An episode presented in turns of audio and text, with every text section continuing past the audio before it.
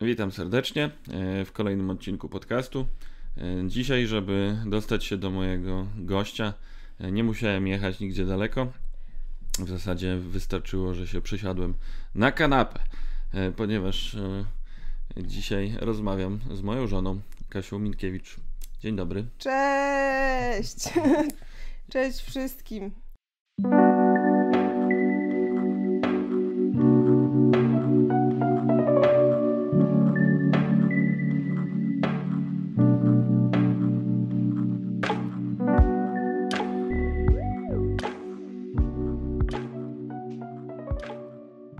Ma podcasty właśnie z komikami. Tutaj Abelard Giza, a tutaj nagrywam z żoną. No ty już, ty już teraz, e, moja droga, też, też jesteś komikiem przecież. No tak, no. Stand- Stand-uperką. E, Nie chcesz się pochwalić? No pewnie, no to wiesz, to była robota, y, która została wykonana, no to trzeba się chwalić. Y, no to no zdarzył mi się eksperyment stand-upowy, który, o którym podjęłam decyzję, że go zrobię y, z okazji tego, że jestem w ciąży. Mhm. I uważam, że jakby no te żarty o ciąży najlepiej się opowiada, jak się jest w ciąży. Mhm. I one same wpadały. No i, no i Mieszko powie, cały czas do mnie uchodził i mówił zapisuj to, zapisuj to, ale, ale nie mógł sam tego powiedzieć, bo nie jest w ciąży. On miał swój zestaw żartów na temat tego, no Tak. to I bolało mnie, bolało mnie, że się marnują dobre żarty. no to stwierdziłam, że sobie wyjdę. Mhm. I no, szczególnie, że mam, mam, mam wolne. Mhm. Jakby no, to jest jedno z dłuższych wolnych, jakie mi się przydarzyły. Więc stwierdziłaś, że się pobawisz trochę w pracę męża. No pewnie, ale to też bardzo jest p- pożyteczne tak naprawdę, no bo jakby nie było, mamy różne zawody, tak? No ja Mhm. jestem programistką i mi się na co dzień wydawało, że, że twoja praca jest lajtowa, bo nie wstajesz rano, bo Mhm. wiesz... ym, bo, bo, bo właśnie ci biją brawo w pracy. Zawsze mówiłam moim znajomym z pracy, że mi w pracy nikt nie bije brawa. że tylko mówią, jak coś się zjebało, nie? nie e, że To to, prawda. praca informatyka. No ale możesz ty za to sobie otrzeć łzy banknotami, które y, są tam w dużej ilości, nie? W tej pracy. No, chociaż jakby jak przejdziesz przez punkt przełomowy w stand-upie, to się pojawiają pieniądze, o których i o, Mhm. któ- o których, no jakby ja y, nie widzę nie, nawet takich w swoim No. zakresie czasowym, nie? No nie wiem, nie wiem, nie wiem. Myślę, że ty masz fajną, stabilną robotę, e, ale no tak jak też mówiłaś, e, e, stand-up cholera no jest no, trudno, trudny i wymagający, nie? I trzeba do, dobić na pewno do takiego momentu, gdzie możesz z tego żyć. E, Ale no przede wszystkim, kurde, no to, to jest taka praca, z której się nie wychodzi, nie? Jest męczący zupełnie pod innymi względami. Mhm. Y, Z y, pracy intelektualnej ogólnie ciężko jest wyjść. W sensie Mhm. to trzeba tak naprawdę dbać o higienę umysłu, nie? Jakby tu i tu. I powoli się mówi o tym, że jak się, się pracuje intelektualnie, to trzeba mieć, tak jak pracujesz fizycznie, no to powinno się to co jakiś czas pójść do lekarza i zobaczyć, jak tam twój szkielet, czy sobie nie popsułeś kości. Mhm. Tak w pracy intelektualnej dobrze pójść do psychoterapeuty i Mhm. sprawdzić, czy się nie popsułeś. Tak, to jest y, w Stanach właśnie to już jest etyka pracy normalnie, Mhm. nie? E, I tak tro- trochę się wszyscy śmieją, że komicy tak chodzą do terapeutów, ale no kurczę, nie jest to zły pomysł moim zdaniem. No, wydaje mi się, że to jest bardzo takie eksploatujące, nie? Mhm. Jakby, no patrz, to jest tak, że jest. je- W zależności przed jaką y, publiką występujesz z tyloma ludźmi w pewien sposób jakoś y, jakby no masz interakcję. Mhm. No i to, no to wszystko zostawia jakiś ślad. Dla mnie było to mocno stresujące. Y, tak jakby no y, obcowanie z tłumem. Mhm. Nie z wianuszkiem znajomych, którzy cię znają, którzy cię lubią, tylko z grupą zupełnie obcych osób, które musisz do siebie przekonać. Mhm. Kupić. Tak, no i to jest też takie właśnie wpływające trochę na twoje poczucie własnej wartości, nie? Mhm. Czy ja, Sotę, nie jestem tyle warta, żeby ich kupić? Czemu ja muszę potem się oglądać i to wszystko poprawiać, Mhm. żeby być lepszą Kasią, bardziej y, strawną? Tak. Przecież wydawało mi się, że wszyscy mówili, że jestem taka fajna, bez, bez, bez, bez żadnych poprawek. I to jest kolejna sprawa. Tutaj nie ma tej granicy, nie? Zawsze wszystko może być lepsze. zawsze, kurczę, potrzebny jest taki głód w tej pracy, nie? Że, że widzisz, że są jakieś rzeczy jeszcze do poprawienia cały czas No, ale to oznacza, że to nigdy nie będzie tak naprawdę skończone. i nigdy Jak nie będzie ten facet idealne. z dżumy, co pisał pierwsze zdanie książki cały czas i nie mógł napisać, że jakby nie mógł pójść dalej, bo cały czas poprawiał pierwsze zdanie. Też właśnie pamiętam tego faceta e, i e, powiem ci, że myślę o nim bardzo często. To chyba to jest y, rzecz, którą najbardziej zapamiętałem z dżumy. To było o Amazonce, nie? Nie wiem, o czym była ta książka. To, to Ja- zdanie. Mi w dżumie co innego utkwiło. No co?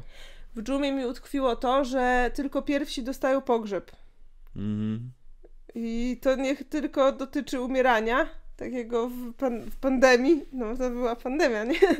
E, ale też na przykład jak y, ludzie odchodzą z pracy, nie? Mhm. Jak za, zaczynasz całym zespołem odchodzić z roboty, no to tylko ci pierwsi dostają prezent, potem już nie ma komu kupować prezentu. O, no to jest coś, no, o czym masz pojęcie, nie? No, Chcesz się pochwalić tutaj? to, to może, może niekoniecznie, w No sensie dobra. to taki, to, to są pracowe rzeczy. To, Powiem tylko tyle, że nie tylko stand-up ma swoje dramy, są też dramy w świecie informatyków. No dobra, wracamy do stand-upu. E, Jak ci się to podobało w ogóle? Powtórzyłabyś to kiedyś? Pewnie, że tak. Może z innym materiałem i jakby wiesz, w innych okolicznościach i trochę z mniejszą presją czasu. Tutaj Mhm. miałam sporą presję czasu. Mm, Trzeba było jakby się ogarnąć i wiedziałam, że. No bo wiedziałam w zasadzie od początku, że jak się udało dostać na ten festiwal stand-upu na Open Mic'a, że to już powinno mieć dopracowane, nie? Mhm.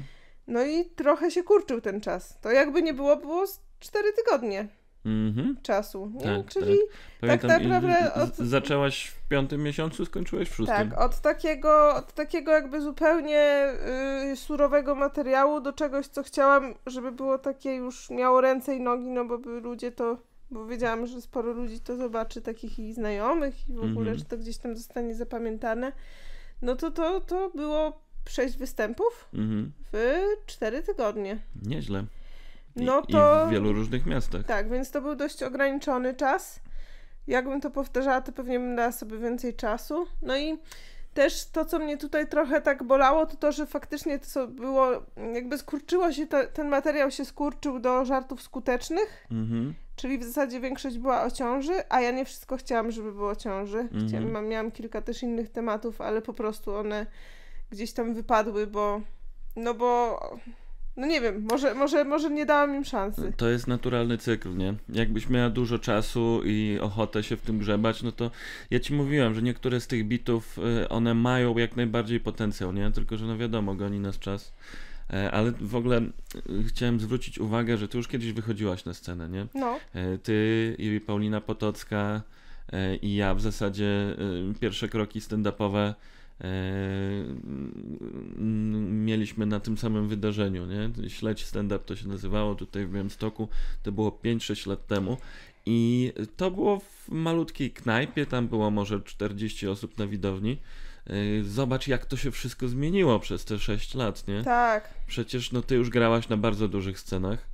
E, Na festiwalu stand-upu no tam było ze 150 osób, nie? I jeszcze grałaś potem przed Wielką Walaszczyk, gdzie było 250, nie? Przed Wielką było 200. Było 200, 250, coś takiego. No, mi się strasznie podobało przed Wiolką i to No. była taka... No i Wio- Wiolka po prostu tak energetycznie zapowiada, że ojejku, Mhm. lowę Wiolka. No, super jest Wielka. Polecasz Wielkę? A co, co ci się w Wiolce najbardziej podoba? Najbardziej mi się podoba w Wiolce to, że ona jest takim zwierzakiem scenicznym. Mhm. Że jakby widać, że ona ma... Że ona ma misję cię zabawić. Mhm. To źle zabrzmi, że jak to powiem, ale poza sceną też jest zwierzakiem. Nie, no to wiesz, nie no, to jakby no, jest nic złego się zakochać. No. Nawet jak jesteś w związku, po prostu nie można tego konsumować. Och, ale dojebałaś to. Nie, wiesz o co mi chodzi? Wielka jest poza sceną dokładnie taka sama jak na scenie. To jest Nie, no tak, tak, dziwne. to jest, to, to, to jest w ogóle mi się wydaje fenomen. E, prawdopodobnie błogosławieństwo i przekleństwo, nie? Jak jesteś cały czas en- entertainerem. Ja nie wiem skąd ona czerpie tę energię. To jest, no nie wiem, ja, ja bym do zachowywania się w ten sposób potrzebował jakichś narkotyków chyba. No widzisz. A ja znam co najmniej dwie, no y, co najmniej dwie dziewczyny, które twierdzą, że na przykład na festiwalach techno się świetnie czują, nie biorą nic, po prostu w końcu wszyscy są na ich poziomie, nie? Jakby emocjonalnym. Jasne. No, no to w takim Więc... razie y, Wielka jest w idealnym miejscu. No, no e, w sensie na festiwalu techno, no, na scenie. W sensie na scenie, nie? E, no, e, i, no i ja uważam, że to jest w ogóle bardzo potrzebne, takie, takie łamanie łamanie tego takiego, nie wiem, tradycyjnego, o Jezu, jak to zabrzmi dziwnie, łamanie takiej tradycyjnej kobiecości wydaje mi się, że jest potrzebne i pomocne i jest po prostu bardzo niełatwe też. Mhm. Ja nawet jak z ginekologiem gadam o seksie, to on się bardzo peszy, bo mam wrażenie, że jest gdzieś wdrukowane bardzo głęboko, że dziewczynkom o pewnych rzeczach nie wypada mówić. Mhm. No to Wiolka w takim razie faktycznie jest solą wokół wielu wielu ludzi. To znaczy solo wokół, podejrzewam, że gdzieś tam jakieś, wiesz, no jakby po prostu wzbija z pantałyku pewnie sporo osób, nie? Mhm. No bo tak jesteśmy nauczeni. Mhm. No, ale w pewnej mądrej książce jest napisane, że normą jest to, na co się umówimy. Mhm. No i może to, może ta norma, że dziewczyny nie mówią yy, jakby za, za brzydko, że dziewczyny nie mówią za mocno, może to nie jest ta docelowa norma. Mhm. A jakie są twoje ulubione stand-uperki w ogóle? E, kim, kim się może inspirowałaś e, w ogóle? Albo kogo lubisz po prostu oglądać? Hmm, to znaczy, wiesz co, no ja jeśli chodzi o, o to swoje podejście, no to trochę nie dzieliłam na płeć, tak naprawdę. Ja mm, mhm. staram się nie dzielić stand-uperów na płeć, jakby nie być jak stand-uperka ta albo stand-uperka tamta. Ja raczej bym chciała tak, narzekać jak Bill Burr. Jakby mogła sobie wymarzyć. No. Być pewną siebie jak Jesselnik. Mm. e, mieć akcent jak Schloss, no bo to ze szkockim akcentem to zawsze, zawsze trafisz. E, no. E, natomiast jeśli chodzi o stand-uperki, które mi się najbardziej podobały, no na przykład przecież Ali Wong jest śmiała i ona jest mhm. śmiała po prostu na nie jak na kobietę, tylko w ogóle jak na człowieka mhm. jest uważam bardzo taka odważna. I też to łamie wszystko. Tylko, e. że jest drobniutką Azjatką i może to troszkę zmiękcza to, co ona mówi, nie? Nie wiem. No i właśnie no. Ali Wong też nagrała dwa speciale w ciąży, nie? No, no. Już nawet ciebie niektórzy ludzie w internecie przezywają polską Ali Wong. No, tu jedna osoba tak przyzwała. Czy Amy Schumer to amerykańska Ali Wong? Amy Schumer też występowała tak. w ciąży, ale no nie nagrała speciala. No. no. Nie, ale wiesz co, to jest bardzo ciekawe, co mówisz. Oczywiście tak, y, y, bardzo fajnie powymieniałaś y, to, co różni ludzie mają ciekawego, nie? Mhm. Natomiast też jak wspominałaś o kobiecości, o kobiecości na scenie, e, to jest, kurczę, jednak rzecz dla wielu facetów nieosiągalna, nie? Bo, bo właśnie przez to, że panuje to przekonanie, o którym mówiłaś, to kobiety mają fenomenalną w ogóle opcję na łamanie tego tabu, nie? I, i, i już samą swoją obecnością na scenie, już, już tym, jak się zachowują, e, to jest świetna sprawa, nie? No to była dla mnie jedna z pokus w ogóle, żeby tą sprawę dociągnąć do końca i wyjść jednak się przełamać na tą scenę, bo to mi się wydaje dość perwersyjne. Mhm. W sensie, wiesz, takie... Czyli co, pani no bo... w ciąży mówi tak, bo... o pizdach? Tak, bo yy, w naszej takiej kulturze europejskiej znowu sięgam daleko, ale to nic. E, w naszej kulturze europejskiej jest tak, że kobieta jest gdzieś między boginią a niewolnicą. Mhm. I w zależności od tego, gdzie się znajdujemy, to, to, to, to, to, to jest ta granica gdzieś tam przesunięta, no ale nie mo- to bardzo nie możemy się zdecydować, nie? Mhm. E, no, to, w zasadzie opisałaś y, to, jak na kobiety patrzy nasz minister edukacji, nie? No, no, y, tak, to boginia, bo jest niewolnicą. Mhm. Y, no, ale... Że, że ona ma cierpieć grzechy mężczyzn i właśnie wracać i wybaczać. To, to, to są tak, chyba tak, jego tak. dosłowne słowa. No tak, to jeszcze chętnie do tego w ogóle wrócę, do jakby modelu kobiety i na przykład właśnie do polecajek, no bo mam nadzieję, że też do nich kiedyś dojdziemy. Mhm. No ale tutaj chciałam jeszcze właśnie do brzegu, że no i też jakby, no samo takie bycie w ciąży to jest taka, taki zupełnie inny stan, nie? Jakby to jest, no, ciężko to porównać z czymkolwiek tak naprawdę, co miałam, co, Mhm. co w życiu przeżyłam. To jak ludzie do tego podchodzą, no bo też mam wrażenie, że cokolwiek kto by nie uważał o dzieciach, czy tam się ślinią, czy srają, czy co, to jak jednak jest, y, to jak jednak mówiłam komuś, że jestem w ciąży, to było coś, była jakaś taka bociania radość, nie, ze zniesienia jajka, jakby, Bociania radość? A, okej. no takie jakby, wiesz, y, gdzieś tam rozczulenie. I to nie tylko moje przemyślenie, kilka osób mi właśnie powiedziało, że to jest po prostu taki inny stan i ten stan zupełnie nie współgra z gadaniem ze stand-upem. Mhm. I wydawało mi się to wręcz perwersyjne. Mhm. Dlatego też takie kuszące, żeby po prostu to zrobić. Mhm. No. Świetnie. Super. No i teraz y, najważniejsze pytanie i myślę, że wielu y, słuchaczy je sobie zadaje. Gdzie to można będzie zobaczyć? Ha, to w, do, w domowym archiwum państwa Minkiewiczów, prawda? Czyli nie chcesz tego wypuszczać? Nie no, w sensie wydaje mi się, że po prostu, no, jeśli, jeśli chodzi o wypuszczenie takie publiczne, Mhm. no to, to za mało. Miesiąc to jest za mało, żeby to dopracować. To nie jest Mhm. takie proste. No, moim zdaniem na festiwalu stand-upu miałeś bardzo, bardzo dobry występ. Tak, ale no sam mówiłeś, że nagranie to jest, że nagranie obiera, nie? Mhm. Że nagranie zostawia taką, to, to, to w takiej innej formie.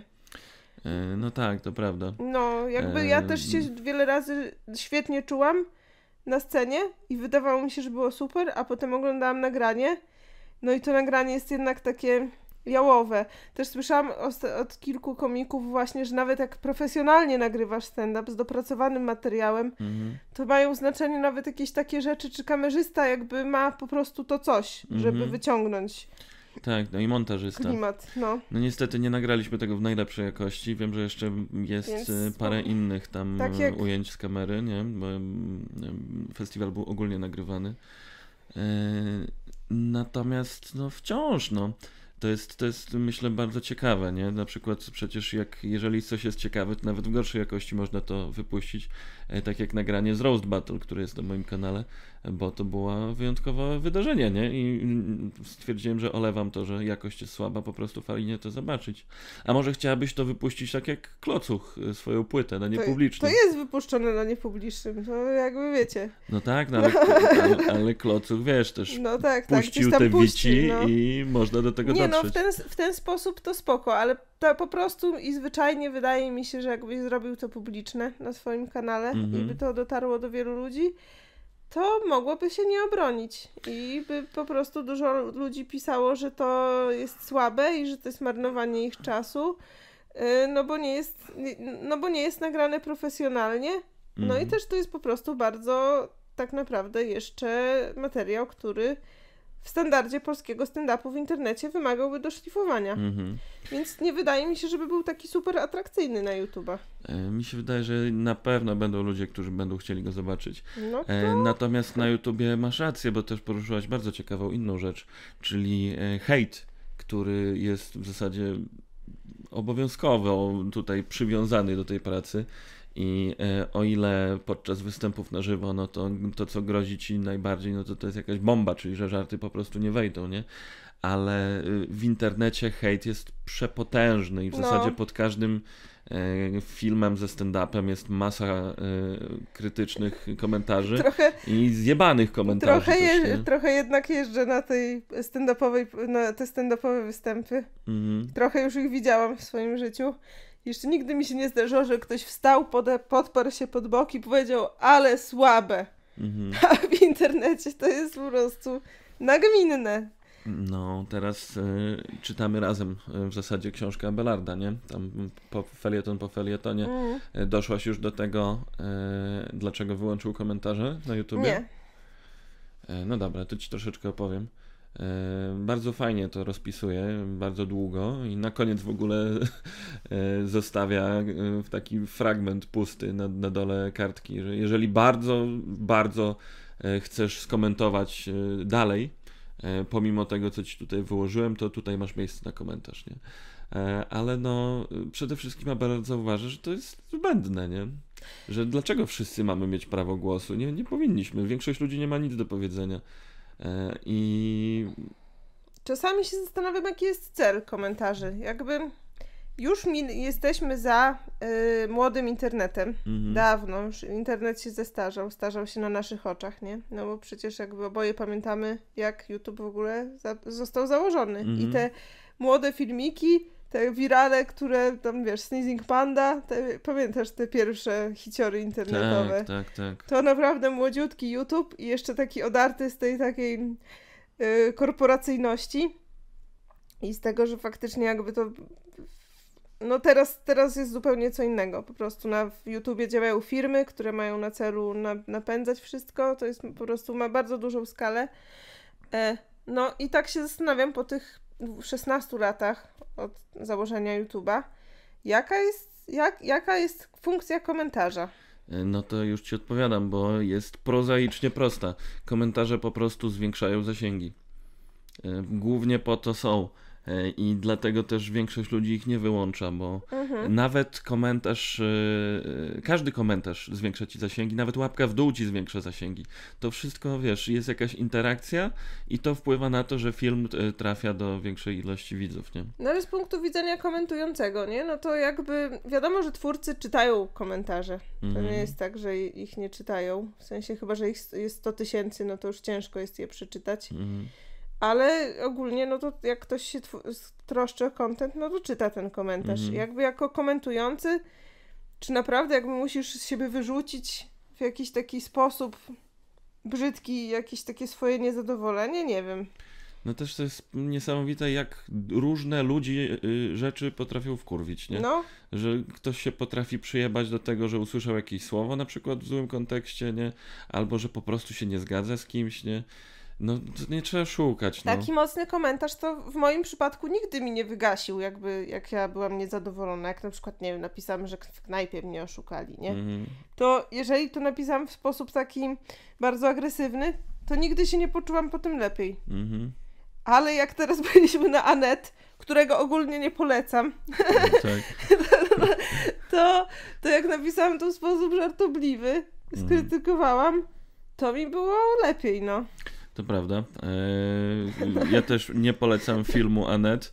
Jest to film paskudny, za długi e, i jeszcze przedstawia stand-uperów w złym świetle, że są socjopatami i rodzą ale im się są, drewniane dzieci. Ale są to nieprawda. bogaci, są szalenie bogaci w tym filmie stand-uperzy. To był jego basen na pewno. Tak, i w ogóle bo, bo Adam Driver gra tam stand-upera w tym filmie i jest też bardzo ciekawy ten stand-uper, bo on występuje w szlafroku E, i pokazuje swoją klatę. Mam wrażenie, że głównie po to był ten no. film.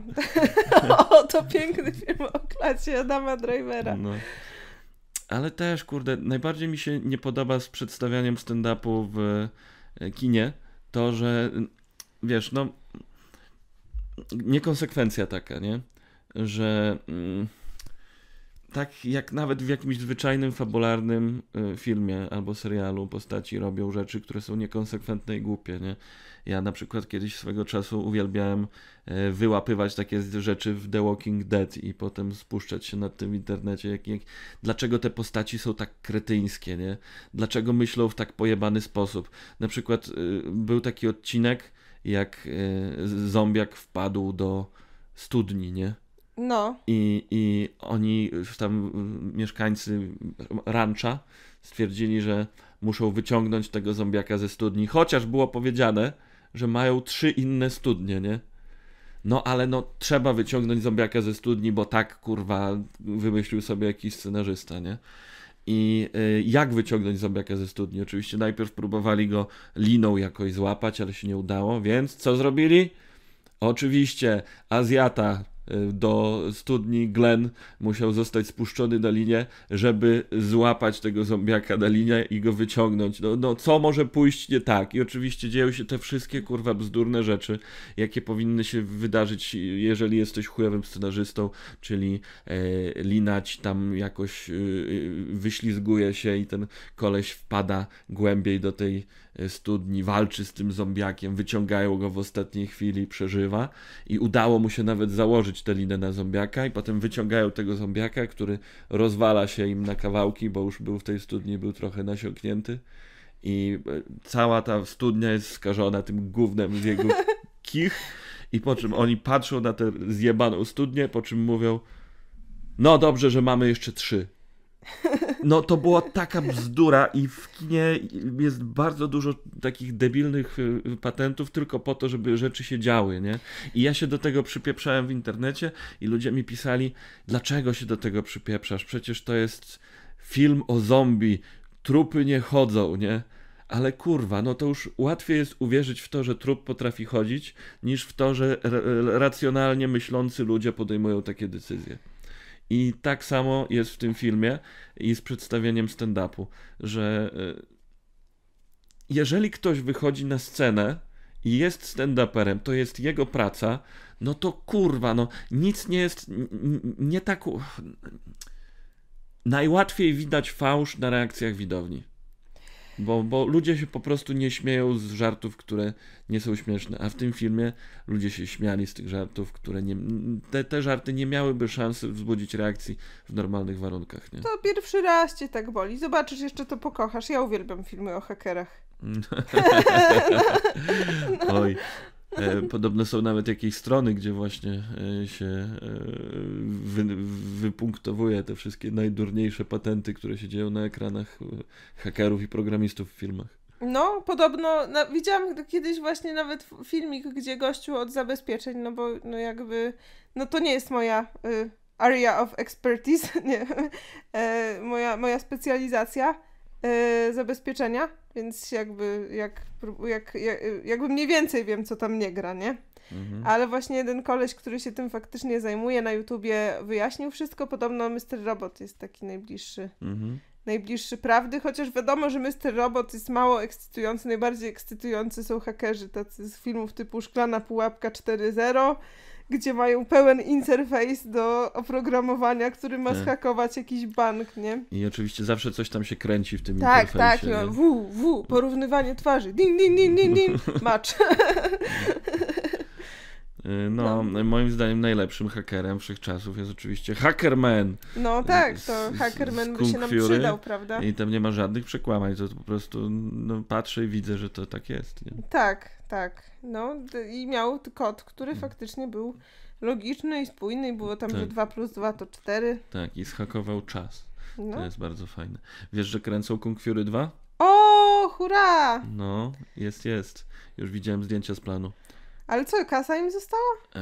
Z, z, tego? No, myślę, że może u, u jakąś nową zbiórkę crowdfundingową sobie zrobili, nie? Ciekawe, jesteśmy jeszcze w tym czasie, że lata 80. mają taki skok na nostalgię. Mhm. Czy już powoli wkraczamy do lat 90.? E, no, przede wszystkim warto zauważyć, że w Stanach jest moda na lata 80., natomiast lata 80. w Stanach to lata 90. w Polsce. Co prawda, to prawda. Ale no tak, no oczywiście, nostalgia zawsze się sprzedaje, tak jak teraz Royst, nie? No, no, tak, tak. I co? Właśnie oglądaliśmy Royst. E, polecasz Roysta? Tak. Mi się też bardzo podoba. W ogóle, to znaczy... Y polecam z dwóch powodów i w ogóle te wszystkie rzeczy takie nawiązujące do lat 90. strasznie ostatnio mnie e, fascynują. No bo to jest coś, co ja znam, mhm. ale znam z zupełnie innej perspektywy. Co wszyscy wiemy, że była powódź, nie? No mhm. ale zazwyczaj o tych powodziach się dowiadywaliśmy jako kilkulatkowie i po prostu to leciało w telewizji. Mhm. I e, no jakby już z perspektywy dorosłej, no to faktycznie dostrzegasz powagę tego, nie? Mhm. Więc no, bardzo to, to... lubię w ogóle te y, rzeczy i na przykład lubię też y, reportaż o czatach. Bardzo mi się spodobał z takich właśnie innych rzeczy, które jako dzieciak wi- wiem, że istniały, ale nie wiedziałam, jak to wygląda z perspektywy dorosłej i tak naprawdę się nigdy nie zastanawiałam o tym. Co to za reportaż o czatach? On jest w zbiorze y, reporta 25 lat Młodej Polski. Okej, tam- reportaże. Tak, no. i są właśnie te z początków lat 2000. No i tam jest kilka w ogóle takich bardzo wartościowych reportaży typu Województwo Brytyjskie, Mhm. a chyba jest Wanda z kolumnadą też tam. Ale czekaj, jakich czatach? Chodź, a, dobra, ten, o którym mówię, to jest o czatrumach. Mhm. Pamiętasz, jak WP miało A. swoje czaty? No tak, Onet tego już nie ma. czat. Może i jest, ale no jakby wiadomo, że to człowiek z tego korzystał na lekcjach informatyki, nie? Mhm. Tak, tak, to jedna z tych rzeczy jak gadu-gadu, które już przeminęły, nie? Tak. Ale, ale się No siedziało i na tych z czatach perspektywy faktycznie. dzieciaka to było takie, no przynajmniej z mojej, ja byłam dość, myślę, myślę mimo wszystko, że byłam dość niewinnym dzieckiem. Mhm. nie miałam tam za bardzo takich jakichś y, niecnych planów, ale miałam w ogóle tak, taką podjarkę, że można sobie pogadać z kimkolwiek. Mhm. Nie, że jak jesteś w internecie i możesz pogadać po prostu z różnymi ludźmi, których nie widzisz na oczy. No i to była cała podjarka dwunastoletniej Kasi. Mhm. Natomiast 25-letnie Kasie gdzieś tam miały podjarkę, że mogą na przykład wieczorem sobie pogadać z jakimś typem, a mąż siedzi w pokoju obok. Mhm. To był zupełnie inny pieprzyk, nie? Mhm. Jak, no i reportaż jest w zasadzie o tym, że sporo osób yy, naprawdę w to w, wsiąkło, nie? Mhm. No to jest ten młody internet, o którym Tak. już, już wspominaliśmy. Więc bardzo polecam ten reportaż. Yy, jest super. Yy, no. Yy, I tak pozwala spojrzeć na, na, Mhm. na, na, na przeszłość z innej perspektywy, z tej dorosłej. Mhm. Ciekawe, no. To prawda, bo my, tak jak mówisz, wspominamy to jako lata 90. jako dzieci. No to A- było, wiesz, to było A to proste. była pojebana epoka. O, to była strasznie dziwna dekada. Moja koleżanka Julka, którą pozdrawiam serdecznie, ostatnio mi opowiadała o swojej pierwszej pracy właśnie, którą w połowie lat dzie- 90. podjęła jako nastolatka, czy w drugiej połowie. W każdym razie to były lata 90. To jakby wiesz, kiedy my się martwiliśmy o lody, to ona już musiała znaleźć pierwszą pracę, a bezrobocie było zajebiste wielkie, nie? Mhm. Wtedy. I dostała, dostała pracę y, w, w rozlewni soków i syropów Mhm. i mówiła, że właśnie to była praca, z której ona na początku się bardzo cieszyła, a potem okazało się, że właśnie, że, że to jest ciężka robota i że czasami się zatykały te rury od soków i najczęściej się zatykały, bo w środku były osy i trzeba było je stamtąd wydobyć. O kurde. I tak sobie pomyślałam o mojej pierwszej pracy na słuchawie i myślałam, no to nie była taka zła praca. Czy- Czyli ona musiała fizycznie wsadzić łapę i wyjąć osy. Tak, i to jakby była robota, którą dostała jakby, wiesz, fartem, Okej. nie? Jakby to była taka dekada. A te soki b- oczywiście potem szły do sprzedaży, nie? No tak, dalej, dalej można czasami piwko dostać z sokiem. Uuu, to ci dopiero. Nie, cholera Oj, może trzeba będzie wypikać tę nazwę rozlewni soków. Nie, bo to przecież nie jest prawdziwa. Nie, Nieźle. E, No cóż, no ta, ta nostalgia w każdym razie jest jak najbardziej też. y, Nie wiem, czy ci mówiłem, co mi dzisiaj YouTube polecił. Algorytm YouTube'a nagle No, ni no. stąd, ni, ni zawąd mi e, polecił wiadomości e, z dnia katastrofy smoleńskiej z 10 O. kwietnia 2010 Wszyscy roku. tam byliśmy. I to był godzinny fragment wiadomości, e, które były bardzo ciekawe, plus reklam, nie? E, I nawet te reklamy, ja pierdzielę, niby to jest tylko 10 lat no, temu. je, 11, nie? No. I ja pamiętam to, ja pamiętam to doskonale, ale teraz patrzę na te reklamy, ja pierdzielę, zmieniło się wszystko, nie? No na przykład reklama Nokii. Co? to już No, przecież jest taka In, przeszłość. inne rzeczy robiły wrażenie, nie? To jest tak niesamowite, że możesz mieć jakieś wspomnienie i sobie doskonale pamiętać na przykład. I wydaje ci się, że świat był taki, jak jest, nie? A jak, jak zobaczysz jakieś zdjęcie na przykład i y, wtedy dopiero widzisz, że zmienia się wszystko, nie? Marki samochodów, y, sprzęty. To, co uznawaliśmy za ładne. Tak. Nie, jakby to, mo, jak moda się zmienia, no to też to aż ciężko. Ciężko, po, po, ciężko sobie wyobrazić, że to był krzyk mody, no. Mhm. No, ale to dopiero. Już gadamy jak stare dziady No, trochę. tak, tak. To się A to zbliża tak już, to się naprawdę, zbliża. a to tak uwaga, naprawdę uwaga. dopiero początek. Za moich czasów. Teraz są moje czasy. To też prawda. A może pamiętasz w takim razie, skoro tak zabrnęliśmy w taką nostalgię, jakiś taki e, wybitny może film, czy coś, jakieś takie dzieło kultury, które e, wychodziło i ty byłaś obecna na premierze tego i oglądałaś to wtedy po raz pierwszy. No to ja ogólnie wiadomo, że jestem podteromaniakiem. To Mhm. nie, nie kryję się z tym. E, No, to był fenomen. Wszystkie, wszystkie premiery Harry'ego Pottera to było przeżycie metafizyczne. I mówię tu o premierze, premierze filmów, na które chodziłam. O, na, o premierach książek tylko słyszałam, bo ja jakby no, byłam bibliotecznym czytaczem. Nie miałam swoich własnych Harry Potterów, więc, więc tylko jakby w internecie przeżywałam e, premiery książek. Ojej. No. Ty wiesz, że ja byłem na premierze Wiem. jako, jako Harry Potter. Więc mówisz, że jesteś potteromaniaczką. No. Kurczę, może to jest sekret tego udanego małżeństwa. No dobrze, moi drodzy słuchacze, y, to jest moment na zwierzenie. E, Otóż y, ja, Mieszko Minkiewicz, y, kiedy miałem lat 11, e, wygrałem ogólnobiałostocki konkurs na sobowtóra Harry'ego Pottera. Jesteś najlepszym słowiańskim e, Harrym Potterem, jakiego widział Białystok. Byłem wtedy najlepszy, a miałem d- 12 konkurentów, e, z czego co prawda były tam też dwie dziewczyny. No słuchaj, no. No i co? No i nic, bardzo dobrze. Najbardziej podobna osoba w moim dzieciństwie do Harry'ego Pottera to była dziewczyna, która chodziła. Nawet nie znałam jej. Chodziła po prostu na rekolekcje do tego samego kościoła, co ja. Okej, i wygląda jak Harry Potter. Tak, Okej, miała blizny też? Nie wiem.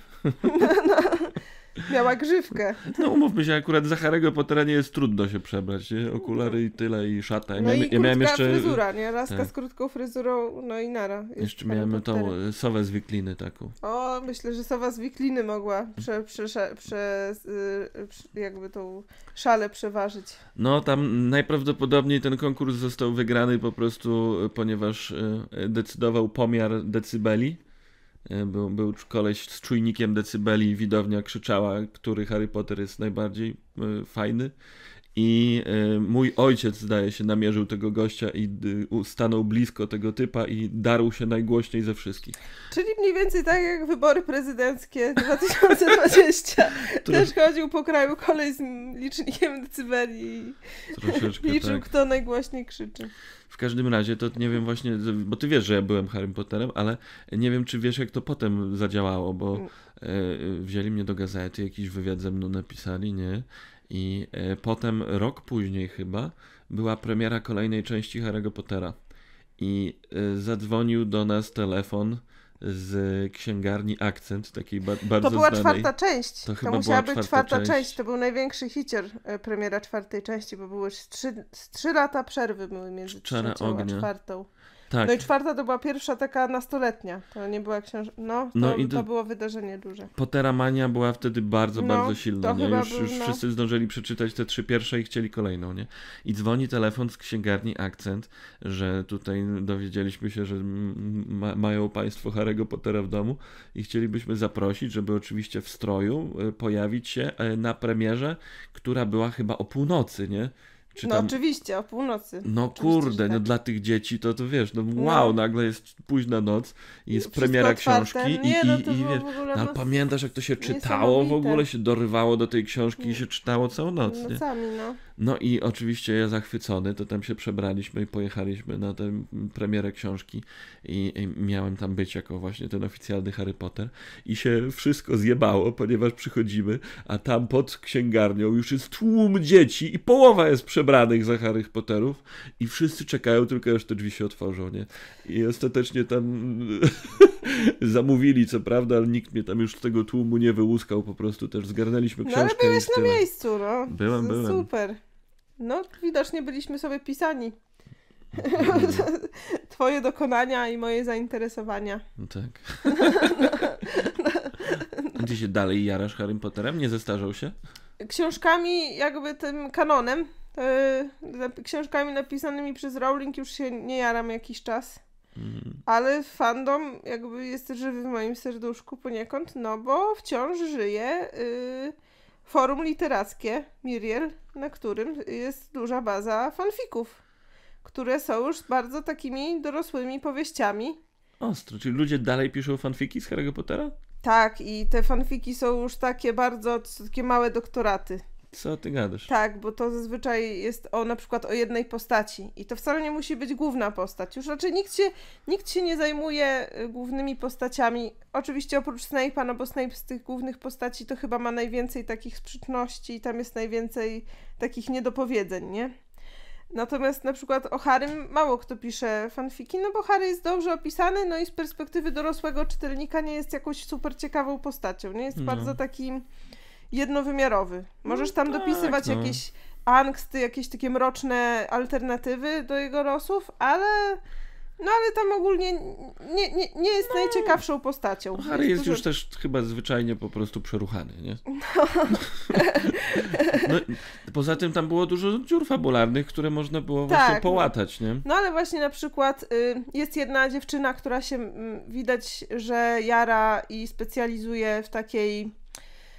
Y, no nie wiem, ona mi bardzo przypomina, jej narracja mi przypomina Makłowicza, ale to zaraz powiem dlaczego, bo Makłowicz też dużo mówi o Kajzerze, o tym takim starym świecie, nie? Takim, tym z klasą, nie? O tym Mhm. świecie takim, ta, o, na przykład o świecie ze sznyclami wiedeńskimi i Tak. muzyką, wiesz, taki klasyczny bardzo świat. Tak, za cara. Tak, i widać, że ona też bardzo jakby lubi ten, y, ten jakby taki mm, przełom wieków Mhm. XIX i XX i nawet trochę wcześniej jakby te właśnie takie jeszcze c- króle, y, te, te właśnie jeszcze monarchie y, w pełnym rozkwicie. No i ona z kolei dla niej najbardziej atrakcyjną postacią był Grindelwald. To jest też bardzo ciekawe, nie? Tam było y, zasugerowane w książkach troszeczkę, że Grindelwald miał coś z Hitlerem wspólnego. No to chyba był taki magiczny Hitler. Magiczny Hitler sprawie, że 4 miliony osób znikną. To chyba wytniemy. E, Zwłaszcza, że pomyliłeś liczbę milionów. No, No, ale ten. Yy, nie, nie, no jakby tak, ewidentne są. Nawiązania są ewidentne. W sensie, wiesz, jakby Mhm. też jest taki hardkorowy rasizm i jest takie właśnie jakieś. Yy, nie no, kurczę, strasznie dużo jest nawiązań. Tak, Nurmengard, no, no, no, czyli w, w zasadzie no, więzienie, do którego został sam wtrącony. tak. Norymberga. Brama nad Numer, Nurmengardem Tak. z hasłem. Jak, jakie to było? Dla, Dla dla większego większego dobra. dobra. Tak. No, No. i to, że został zwyciężony w roku 45. Tak, no coś jest na rzeczy. Panowie musieli, panowie musieli się w jakiś sposób gdzieś tam, jeśli nie znać, to wiedzieć o swoim istnieniu, przynajmniej Mhm. w jedną stronę. No ale to też, to też taka trochę lekcja, nie? W sensie dla dzieciaków. To Mhm. jakby na tyle było muśnięte delikatnie, że nie było ewidentne dla dziesięciolatków, Mhm. że to jest to. Yy, było ewidentnie złe, jakby wiesz, tam Mhm. no, w Harrym Potterze bardzo jakby jest to, nie ma tej szarości, że no, yy, no dobra, no ale ci Mugole to faktycznie, nie? W sensie, wiesz, Okej. to jest bardzo jakby, moralność jest tam dość taka, yy, taka, no dla dzieci, nie? No tak, no to, to trochę czarno-białe. No dobro, dobro i zło jest takie bardzo czytelne, ale ja wcale nie uważam, że to źle, bo Mhm. ja uważam, że to jest fajne do kształtowania twojego systemu wartości. I to w zasadzie no, w Harrym Potterze jest bardzo dużo fajnych wartości. Jest o, o sile przyjaźni, o tym, że czasami warto coś poświęcić. No dużo jest też o dyskryminacji. To No. mm, dużo się mówi, że Harry Potter w zasadzie ukształtował kompas moralny całego pokolenia, nie? Y, No. I bardzo spoko. E, To o czym jest ten fanfic o Grindelwaldzie? No jest o tym, że... E, ojejkuś, no to ja nie wiem, czy ja zachęcę, jak tak e, opowiem. Ze spoileruję. E, Jest o tym, że Grindelwaldek siedział sobie w tym więzieniu przez. No bo siedział od y, 45 No. do 97 roku. Tak, kiedy Z- zabił go y, Voldemort, Voldemort. Tak, czyli następny, Tak. e, następny ambitny. to wszystko wiemy. No. E, tak. No i on w tym czasie y, bardzo jakby dużo się sie- siedział i się uczył i uczył się też mugolskiej nauki O, i mugolskiej historii. No i y, zgadnij co, już drugi raz pojawia się w naszej rozmowie ten motyw. Używa magii do tego, żeby cofnąć się w czasie. Mhm. Y, ale jakby stara się trzymać tych metod naukowych, po prostu wyczytał i jakby wywnioskował po pracach Einsteina i Minkowskiego, że, będzie, że potrzebna jest ogromnie wielka ilość y, energii, żeby No. się cofnąć w czasie i stara się magią wygenerować tą ilość energii, żeby to zrobić, A po co chce się cofnąć? Żeby naprawić swoje błędy, czy Tak. żeby wygrać? żeby naprawić swoje błędy. Okej. I cofa się do samego w ogóle początku, do momentu jak jest dzieciakiem. Aha. No i okazuje się, że jest jakby, że ma bardzo dużo postaci historycznych w swoim rodowodzie i w zasadzie fanfic jest o nich i o powiązaniach historycznych magiczne, magicznej Europy z, z tą mongolską, nie? Ja pierdzielę. Ja trochę zmieniasz moje w ogóle podejście do fanfików. Mi się zawsze wydawało, że fanfiki to jest nagle mm, a co gdyby Harry był z Hermioną albo z Drakiem? Nie, to, to już, o Jezu, to były blogaski i to były takie fantazje piękne. Te dziewczyny tam tak płynęły. Wszystkie, tam, wszystkie dziewczyny dostawały w Polsce list z Hogwartu, że wyjątkową drogą jakby są przyjęte do Hogwartu i tam jadą do tego Hogwartu i zakochuje się w nich Draco. Najczęściej Draco, no bo Harry jest jednak takim, wiesz, skrzetuskim, No nie? bo tak. Draco, wiadomo, łobuz kocha No tak, najbardziej, tak. nie? No i, no i, ale to, no patrz, no fajne są te fantazje. To były, to było takie fantazjowanie, no. Mhm. A powiedz, jakie jeszcze są fajne fanfiki. Yy, bardzo mi się podoba jeszcze taki z Ginny. Yy, I to jest taki właśnie, że ona się przenosi do czasów pierwszej wojny. Też w czasie. Tam za, no jakby w, w Ej, Harry Pierwszej wojny czarodziejów, a nie światowej. Tak. tak to W jest Harrym, ważne. w Harrym Potterze, y, w Harrym Potterze czas można zmienić i czas jest liniowy. Nie masz alternatywnych Tak, linii tak, czasowych, tak. tylko wszystko zostaje w jednej. Nie, multiversum to nowa Musisz, moda. musisz bardzo uważać, żeby nic za bardzo tam nie pozmieniać, żeby nie doprowadzić do paradoksu, bo wtedy no, co najmniej ty giniesz, nie? Mhm. E, no, no i w każdym razie ona trafia do czasów pierwszej wojny, do czasów jakby rodziców Harego.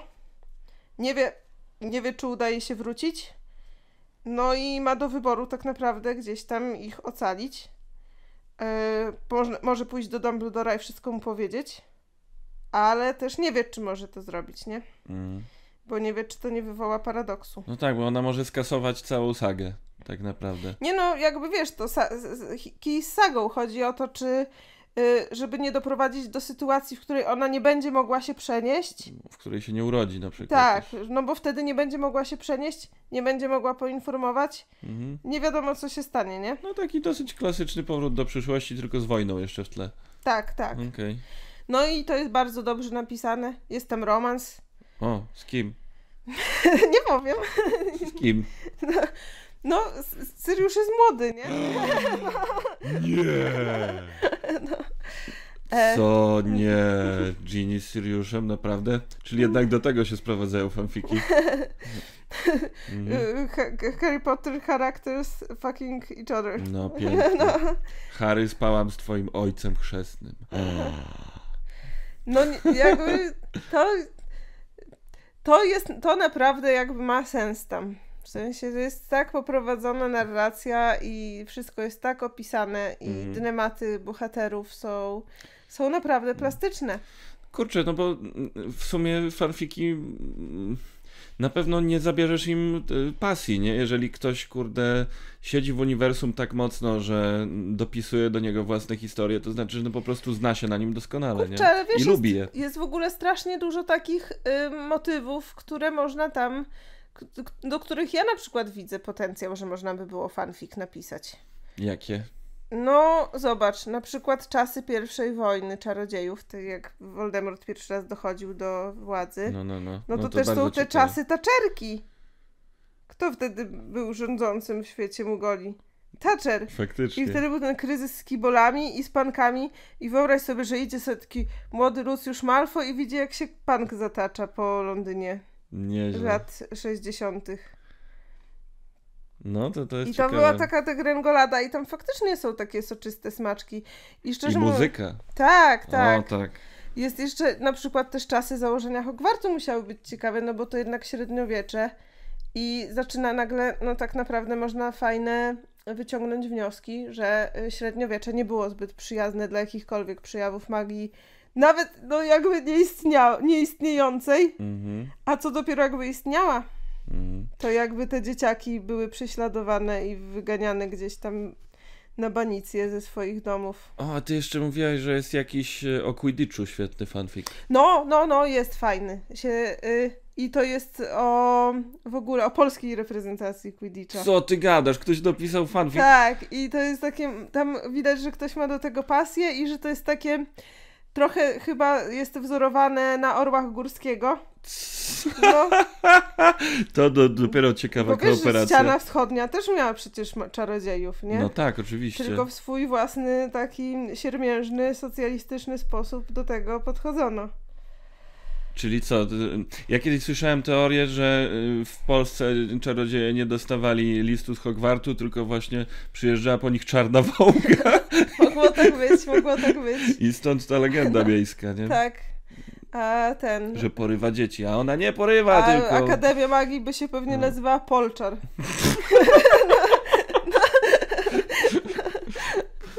Polczer.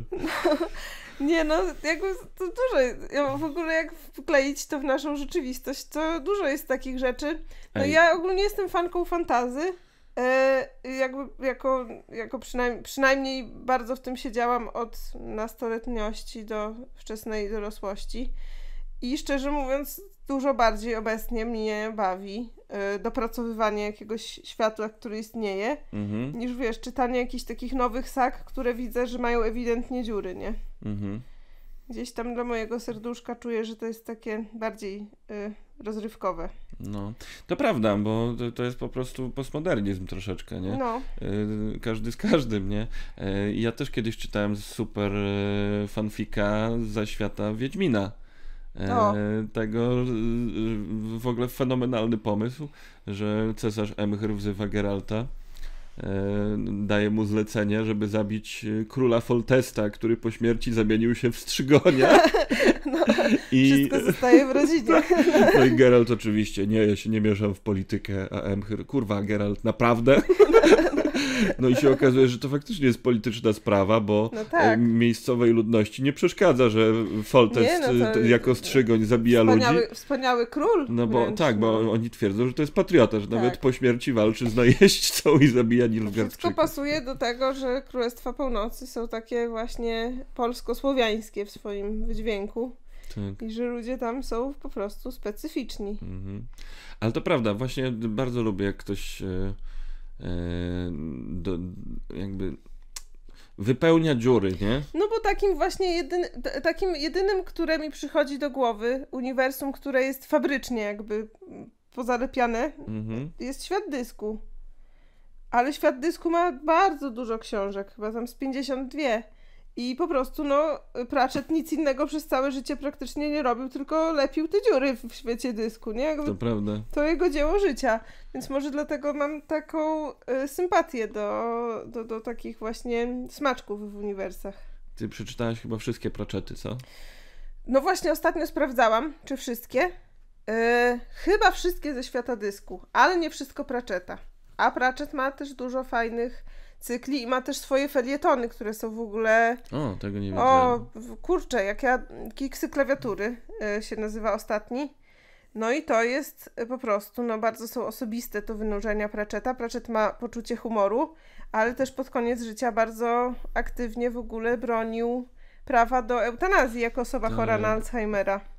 No to musiało być straszne, że on stworzył to potężne uniwersum, a potem zaczął, kurczę, przestać je ogarniać, No nie? widać, że ostatnia książka z uniwersum to jest taka... Ja jak czytam Pratchetta, to mam wrażenie, że on tak pisał iteracyjnie. Mhm. Że jakby najpierw robił ramowy plan, żeby to wkleić w całość, potem dopisywał postaci, potem, y, potem je dopracowywał, a na koniec takie smaczki, na przykład nawiązania do naszego świata, nie? Mhm. Czyli, że na przykład właśnie gdzieś tam y, w Ankh-Morpork jest y, na uni- niewidocznym uniwersytecie komputer, który jest napędzany przez mrówki, nie? No bo k- i on jest, się zachowuje podobnie jak wczesne komputery jakby w naszym świecie.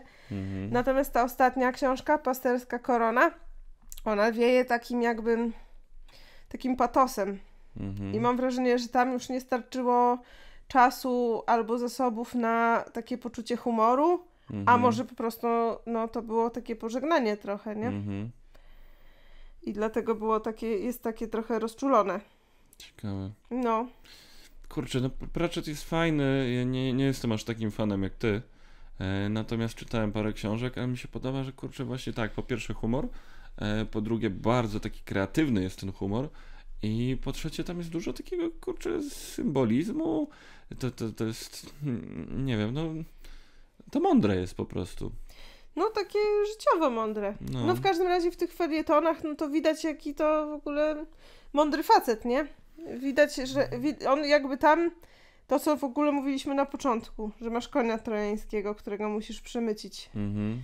No to, to w świecie dysku są takie smaczki, takie jakby wiesz, gorzkawe lekcje na temat jakby jakieś gorzkie spostrzeżenia na temat społeczeństwa, a w Hicksach jest no bardzo ta gorycz jakby wyeksponowana, no bo tam nie chodzi o zabawę, tylko to są jakieś jego felietony, które tam faktycznie on chciał nimi gdzieś tam uderzyć.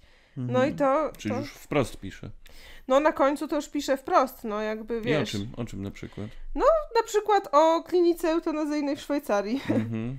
No tak. E, Na początku są jakieś takie jego przemówienia z uniwersytetów, gdzie sobie żartuje, że on y, nie skończył żadnych studiów, a jest doktorem honoris causa na kilku uniwersytetach, no bo wymyślił ten uni- niewidoczny uniwersytet, nie? Mhm, mhm. No i w ogóle on tam sporo y, pootwierał podobno głów ludziom w latach 80. i 90. na temat właśnie tego, że może, mogą być inne światy, które w ogóle nie przypominają naszych, nie? Mhm. E, no, Bardzo Więc na ciekawe. początki, początkowe te jakby, te kiksy się zaczynają od takich właśnie żartobliwych rzeczy, a kończą się naprawdę takimi poważnymi y, uderzeniami. No i to, no fajne to jest. Mhm. I dobrze jest napisane, no bo to jednak pisarz napisał. Bardzo więc mnie bardzo się szybko czyta. Bo widzisz, to, to, to jest ch- chyba główny problem, y, nie tylko mój, ale że mimo wszystko cały czas y, gadamy o takiej literaturze młodzieżowej, No. nie? A tutaj nagle mi mówisz, że Pratchett też ma takie, kurczę, coś bardzo, bardzo poważnego i ciężkiego. W ogóle no zbiory felietonów ostatnio też mi się podobają. E, Bo ty teraz czytasz Boja Żaleńskiego. No, Nieźle. no, no. E, bardzo mnie zdziwiło, że sięgnąłeś po tę książkę nagle. E, znaczy, bo ona była w domu e, i, i, i aż tak ci weszła. E, a jeszcze bardziej mnie zdziwiło, jak czytasz mi fragmenty i się okazuje, że kurczę, zbiór felietonów sprzed 100 lat jest tak cholernie aktualny dzisiaj. No, no. Wszystko się zmieniło przecież od tego czasu. Boj Żeleński jest taki, że człowiek się wciąga w to strasznie. I w ogóle bardzo polecam tą książkę, bo jest bardzo fajna. E, I jest też, faj- też napisana jest w zasadzie przez komika, więc jakby on stara się gdzieś tam dozować to, nie? Tak, to jest bardzo ciekawe, no. Bo Komik, Boj Żaleński, no tam był zaangażowany w kabaret Zielony Balonik, z tak, tego co więc, pamiętam. więc to młoda, nie dość, że właśnie młodo, młoda Polska, czyli Kraków. jakby ta cyganeria, Mhm, to jeszcze właśnie komedia. mhm. No i jeszcze właśnie gościu, który no, y, ma łeb, który ma, ma Mhm. współcześniejszy od kraju, w którym żyje, więc wszystko Tak. dobrze widzi. On był bardzo, bardzo y, też po prostu uznanym lekarzem, nie? Nie E, wiem, czy był bardzo, bardzo, bardzo uznanym lekarzem, ale był lekarzem z wykształceniem i kształcił się za granicą, więc miał Mhm. zupełnie inne spojrzenie niż, y, niż lekarze, którzy całe życie Mhm. na przykład byli w kraju, nie? No i był ginekologiem. No, No to, to tak, były... więc dlatego już, już może mo, uważny słuchacz dostrzeże, że bardzo dużo tematów y, jest Mhm. y- jest, a może się e, aktualizować i był aktywnym antyklerykałem też. Tak, ale no to kurczę, no pokazywałaś mi fragmenty tych felietonów, no to co on pisze o kościele e, czy aborcji, no to kurczę, no jest... spór sprzed 100 lat jest obecnie toczony również w mediach i, i na łamach, kurczę, różnych forach. Stąd aż się tak tą książką nie zajadam, Mhm. bo jak ją czytam, to jednak trochę smutek bierze. Że co, że nic się nie zmieniło? No, że to jest wciąż ta sama walka. Mhm. No nie no, chyba troszeczkę jednak yy, inne są warunki dzisiaj, nie? Nie no, tak, tak, to dodaje, to, to, dodaje jakby oczywiście sensu, yy, ale je, jednakże, jednakże trochę jakby też osłabia fakt, że no, że jakby, że to już powinny być problemy przeszłości, nie? Mhm. To co on tam takiego pisze? Co, co cię tak u, u, uderzyło? Najbardziej mnie chyba tam uderza to, yy, to, że on się czuje taki bezradny wobec kościoła, nie? Że jakby, że, że, że, koś, że księża mają takie metody po prostu na, yy, na, na jakby uprawianie takiej psychologii społecznej. Mhm.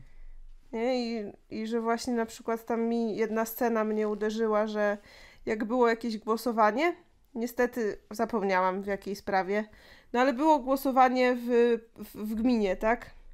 I zebrała się cała gmina, jako że była demokracja w dwudziestoleciu międzywojennym, no to wszyscy mogli zagłosować i mieli przegłosować jakiś przepis dotyczący czegoś, który był nie w smak księ księdzu proboszczowi i ksiądz proboszcz powiedział, że e, no to tutaj e, w ramach głosowania ja sobie zacznę śpiewać nieskończona naj, najśliczniejsza i drogie dzieci, kto jest za mną, to niech, yy, to niech za mną zacznie śpiewać. No i sobie zaczął śpiewać.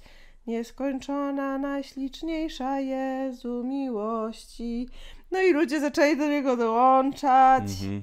I on, i kiedy już chórem właśnie zabrzmiała ta pieśń, to on powiedział: Wydaje mi się, że wniosek nie przeszedł. Takim ostatecznym tonem. No, stary trik. Yy, I dzisiaj jednak by to nie przeszło. Dzisiaj się nie głosuje w ten sposób, może inaczej, ale ob obawiam się, że mogłoby przejść.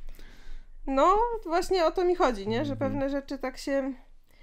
Że, że pewne rzeczy się robi gdzieś tam mimowolnie i, i no i tak, tak jak już kilka razy powiedziałam, Mhm. niektóre rzeczy mamy wdrukowane trochę, Mhm. nie? No ale widzisz, i tutaj mamy piękną klamerkę, e, bo e, zaczęliśmy z powrotem rozmawiać o tym, że e, komedia jest bardzo dobrym komentarzem. Komedia, twórczość w ogóle, nie? Widzisz, to, to, to mam wrażenie właśnie było takie przełomowe u Żeleńskiego, że on o tym pisał z humorem, nie? To są bardzo poważne komentarze, ale też takie kurcze znaczy, że inaczej, dotyczą poważnych rzeczy, ale on tam trochę sobie wyśmiewa to, nie? No tak, tak, tak, z taką ironią troszkę podchodzi. No w każdym razie, y, nawet nie ogólnie, tylko bardzo polecam y, tą książkę Reflektorem w mrok Żeleńskiego. Mhm. A brakuje ci dzisiaj jakiegoś takiego komentarza, bo... Yy, Nie, co jak wcale komentarza to mi nie brakuje. W obecnych czasach. tak? Nie nadążam czytać wszystkich komentarzy jak, społecznych, jakie są. No ale no, może właśnie przez to, że jest taki przesyt, to yy, te najbardziej takie racjonalne i wartościowe rzeczy yy, uciekają, nie? Na przykład yy, John Oliver, który jest mistrzem tego właśnie, żeby komentować rzeczywistość yy, w, w zasadzie w takiej formie newsów, nie?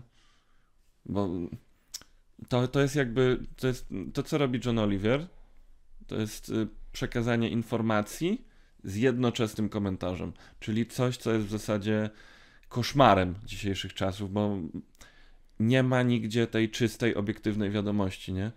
Ale jeżeli już y, on nie nazywa się, no, to, to nie są prawdziwe wiadomości, nie? To jest przegląd newsów, Mm, jeżeli jakby on jest z tym uczciwy i, i, i, i po prostu wiesz, że to jest przefiltrowane przez jego komentarz, to nagle się okazuje, że to może być wartościowe i też ważne, bo on tłumaczy po prostu rzeczy, nie?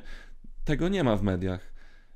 Tego nie ma w wiadomościach. Przecież y, dlatego właśnie świat jest taki trudny, bo czasami nie wystarczy podać, co się wydarzyło, tylko trzeba też powiedzieć, jak, nie? Przecież odcinki Johna Oliviera trwają po 20 minut, a on się zajmuje najczęściej jednym zagadnieniem. no. No, ale to wciąż, nie, wciąż bym tego jako brak nie określiła. Mhm. Raczej, raczej, raczej to gdzieś tam może dotyczyć tego, że ja, y, że, że, że, że może nie potrafię sobie wybrać, nie? Bo ogólnie, no to przecież jest dużo i obiektywnych, takich y, zupełnie obiektywnych źródeł, jak, nie wiem, konflikty i katastrofy światowe. Mhm. albo coś, coś w tym guście, takie, które podają zupełnie surowe informacje i surowe liczby Mhm. i takie, które no, są bardzo nacechowane opinią, nie? Mhm. Komentarze i no i szczerze mówiąc, to ja, to ja wręcz czuję przesyt. W sensie, wiesz, też jakby dużo jest takich przecież komentarzy, które, które mają wywołać duże emocje. Mhm. Czyli masz przesyt opinii. No, jakby mam wrażenie, że sporo osób chce mnie przestraszyć różnymi rzecz, rzeczami. Mhm. I niektórych się nie boję, a niektórych się boję. I no, jakoś nie, nie sądzę, że mi brakuje y, czegoś w strumieniu informacji, ale oczywiście mogę się mylić, nie? Okej. No, nie, no nie mylisz się, bo to twoja opinia. Ale... Naprawdę? Czy to ci wystarcza? Co jest? No, tak, to, to znaczy to trzeba po prostu dobrze sobie wybrać, nie? Mhm. Żeby też, też czy, to, czy to jest strasznie konieczne dla mojego życia, żebym ja o wszystkim wiedziała. No, no. Bo to wiesz, czytasz, czytasz, czytasz, czytasz, a potem wszystkich domowników wkurwiasz, bo y, masz obsesję na temat tego, żeby nie kupować żarcia opakowanego w plastik, nie? Mhm. To prawda. No, Ignorancja jest błogosławieństwem. No w sensie, wiesz, wiadomo, że, że dobrze być świadomym, co się dzieje, no ale to wszystko ma swoje konsekwencje. Ja teraz sobie czytam Przekrój, Mhm. czytam, czytam jedną gazetę przez trzy miesiące, powolutku, No, no, ale, i się, czytam książki. ale przekrój też potrafi być dołujący. No tak, dlatego się go czyta trzy miesiące. Nie można przeczytać całości w jeden dzień, bo człowiek zwariuje. Ciekawe. Czyli slow life w podejściu do informacji. Może to jest rozwiązanie. Nie wiem, no mi na pewno, mi na pewno pod kamieniem się ży- żyje jakoś tam gdzieś y, lepiej. No i no nie wiem, ja jak próbuję dużo panikować, to moi rodzice mają takie podejście raczej stoickie do Mhm. życia, nie? W sensie, no oni, tak jak my mówiliśmy sobie na początku, o pamiętasz 10 lat temu, co to było, to się zdezaktualizowało. To co mają powiedzieć moi rodzice, którzy odrabiali swoje pierwsze lekcje przy rampie y, naftowej, a teraz, kurde, wiesz, a teraz jest taka era globalizacji i sobie y, gadamy przez wideo Mhm. skądkolwiek, s- y, wiesz, jakby bez Okej. żadnych problemów. No więc moi rodzice mówią, że jakby pewne rzeczy w życiu się gdzieś tam nie zmieniają i że te informacje, że, że tych informacji zawsze jest tak dużo i że, i że, on, i że one ogólnie tam Mhm. Y, to nie jest takie konieczne, żeby je wszystkie znać. Szczególnie, że nie wszystkie są prawdziwe, no ale to już moi rodzice, którzy y, jakby wiesz, no byli w naszym wieku, jak była, jak skończyła się komuna, nie? Mhm. Więc oni coś wiedzą o informacjach, które są nieprawdziwe. No w sumie to jest bardzo dobra rada na te przebodźcowane czasy, nie? No, Czyli w zasadzie chcesz powiedzieć, że polecasz już przestać polecać. nie no, jak wiesz, wytwory jakieś takie popkultury są spoko, ale ja zau zauważ, że ja w ogóle bardzo jestem lamusem, jeśli chodzi o filmy. Mhm. Ja bardzo wielu filmów, klasyków nie widziałam i ja w ogóle y, seriali nie specjalnie oglądam. Dużo lepsza jestem w książkach. Mhm. No, tam nie zgodzę się do końca też. Obejrzeliśmy masę rzeczy razem. No tak, ale to w zasadzie to ty jesteś moim, y, moją latarnią po świecie filmowym i serialowym. No, ja po prostu lubię oglądać moje ulubione filmy jeszcze raz. Ja, ja z kolei lubię książki, lubię poezję też. Mhm. Uważam, że poezja jest bardzo fajna, taka bardzo rozwijająca. Mhm. To może na koniec polecisz jakiś wiersz. Mogę polecić wiersz. Mhm.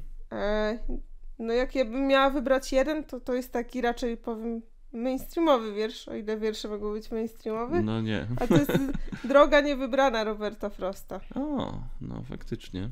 To jest bardzo ładny wiersz i bardzo często do niego wracam. I w ogóle polecam y, czytać wiersze swoim głosem na głos. Można czytać sobie wiersze nawzajem. Mhm. To jest bardzo fajne. Nie tak jak w szkole, dukając, no tak sobie przeczytać po cichu, a potem sobie przeczytać głośno. No. Mhm. Bardzo ładne polecenie. E, ja też bardzo lubię właśnie ten wiersz Frosta. E, I on też się przebił do popkultury, był w paru serialach, mam wrażenie. E, bardzo często cytowany. E, ale chyba fajnie podsumowuje właśnie twoje podejście. I jest przy okazji bardzo ładny. I krótki, więc go na pewno podlinkuję. O. A ja jeszcze polecę tu Wima, bo jest bardzo fajny. Co, lokomotywę? Nie. Ja bardzo lubię 40 wiosen. O, To jest y, jeszcze 10 lat? no, no. Kurde, 9. E, Ale y, to, to ten, ten wiersz y, o dziwo wcale nie jest o, o starości. Wręcz przeciwnie. Na Facebooku w ogóle jest fanpage, który się nazywa Dziewczyny Czytajcie Barańczaka i on głównie się skupia na Barańczaku, czasami okazjonalnie na, na innych poetach, ale skupia się na Barańczaku, na jego wierszach i na jego tłumaczeniach wierszy. Mhm. I no, i bardzo fajnie sobie chłop dobierał y, wiersze do tłumaczenia. Mhm. Bardzo ładnie są przedstawione, więc to też, to też z całą stanowczością cię polecę. No i co? Chyba dziękuję bardzo. Też dziękuję bardzo. Bardzo No. się przyjemnie z panią rozmawiało. Mhm. No, no mam nadzieję, że przyjemnie się też będzie słuchać. Wszystkich pozdrawiam.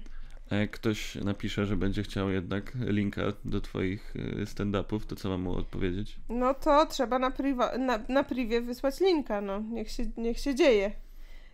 I wyłączyć komentarze koniecznie. Dobra. To dziękuję bardzo w takim razie. E, I do zobaczenia. Do, do zobaczenia.